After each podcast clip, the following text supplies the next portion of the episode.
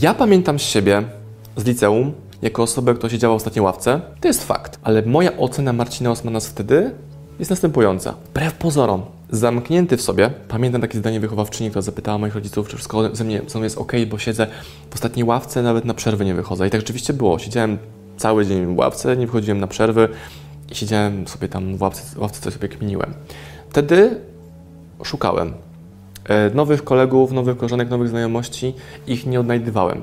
Czyli jest sobie Marcin Osman, który jest nieszczęśliwy w tym miejscu, które jest, bo ma zbyt małą liczbę ludzi, żeby w tej grupie ludzi można było odnaleźć te grupy, z którymi chce spędzać czas, czyli te grupy, które będą pozwalały mu jeszcze lepiej realizować potencjał, misję czy powód bycia na Ziemi. Tak bym to powiedział górnolotnie. Ale była perspektywa tego, że za chwilkę jest wyjazd na studia do Krakowa, czyli będzie wielki świat, wielcy ludzie, inni ludzie i tam się na pewno odnajdę. I też tak to się nie zadziało natychmiast, bo wylądowałem w akademiku, na uczelni, która też była zbiorem ludzi z całego kraju, z małych miejscowości, z większych miejscowości, z miasta. To nie było tak, że od razu poznałem ludzi, którzy są fajniejsi, więksi, bardziej ambitni, mają większe osiągnięcia, też musiałem ich poszukać. Był etap zrozumienia, że studia to chyba nie jest to, co ukształtuje moje życie. Muszę tego szukać w postaci zajęć dodatkowych. Pojawiły się spotkania z biznesem, Toastmasters Public Speaking Club, Studenckie Forum Business Center Club. Zacząłem spotykać się przez zapraszanie do mnie na uczelnię ciekawych przedsiębiorców, mentorów, nauczycieli, szkoleniowców, coachów itd. Tak no i był moment zderzenia się, dobra, jaka jest moja wizja świata z tym, jaki ten świat naprawdę jest. Powstała pierwsza firma e, z takim business angelem, który dał mi pierwsze szlify biznesu, ale z tego nie było pieniędzy. Kolejnym krokiem było pójście, dobra, skoro teraz wiem, jak robić biznes, no to założę swoją firmę i stworzę agencję reklamową. I to był moment, w którym Marcin Osman zderzył swoją wizję tego, jak biznes powinien wyglądać z rynkiem. Rynek powiedział, spoko, płacimy Ci, pojawiły się duże obroty, ale firma się rozpadła przez mój brak gotowości, brak kompetencji, brak doświadczenia w zarządzaniu dużym zespołem, a jednocześnie zbudowanie firmy niedopasowanej do mnie. Kolejnym etapem był etap kryzysu, no bo straciłem firmę, nic nie mam, nie wiem co robić, więc jaki ja jestem? Co mam robić? Czego mam szukać? Dla kogo mam pracować? Jak mam pracować? Co mam sprzedawać? W jakiej branży? Dużo pytań i znacznie mniej odpowiedzi niż kilka lat temu wcześniej. Więc był etap poszukiwania, czy ja chcę być konsultantem, doradcą, szkoleniowcem, więc była to droga pójściem najłatwiejszych jakichkolwiek pieniędzy, które się pojawiały.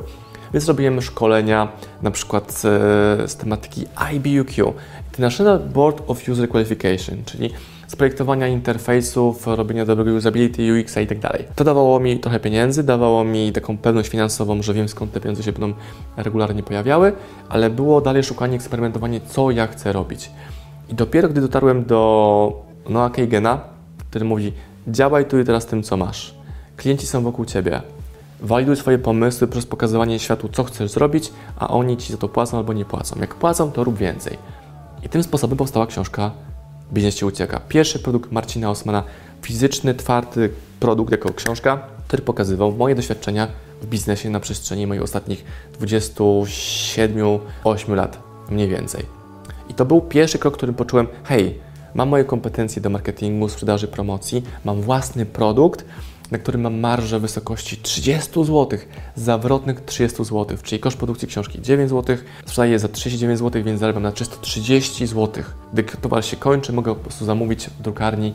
Jest super. I zaczęło się, ok, dobra, żeby tego więcej sprzedawać, muszę mieć większe zasięgi, większy brand, więc zacznijmy robić social media. I to był moment, w którym zaczął powstawać Marcin Osman, jakiego teraz widzicie na YouTubie, Instagramie, TikToku czyli aktywny w tworzeniu treści, mający własne produkty, robiący coraz lepsze e, marketingi, sprzedaże, promocje, launche, wirale, wywiady, cross-promocje, reklamy, mailingi, webinary itd., itd., itd. To była ewolucja Marcina Osmana od czasów liceów do roku 2023, gdzie po drodze znalazłem oczywiście Kamilę Kruk, czyli moją obecną żonę, e, moją wspólniczkę, co też było ekstremalnie ważne wydarzenie w moim życiu prywatnym i biznesowym, bo lat temu, około 7, zaczęliśmy razem pracować i tworzyć Imperium OSM Power.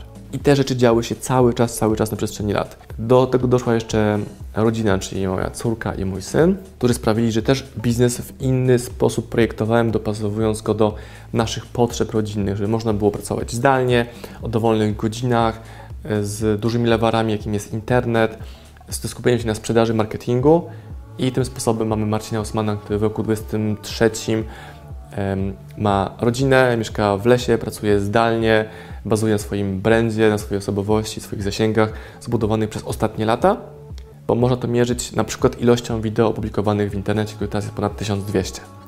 I tu macie w skrócie zmiany od liceum do gościa, który ma 39, 39 lat.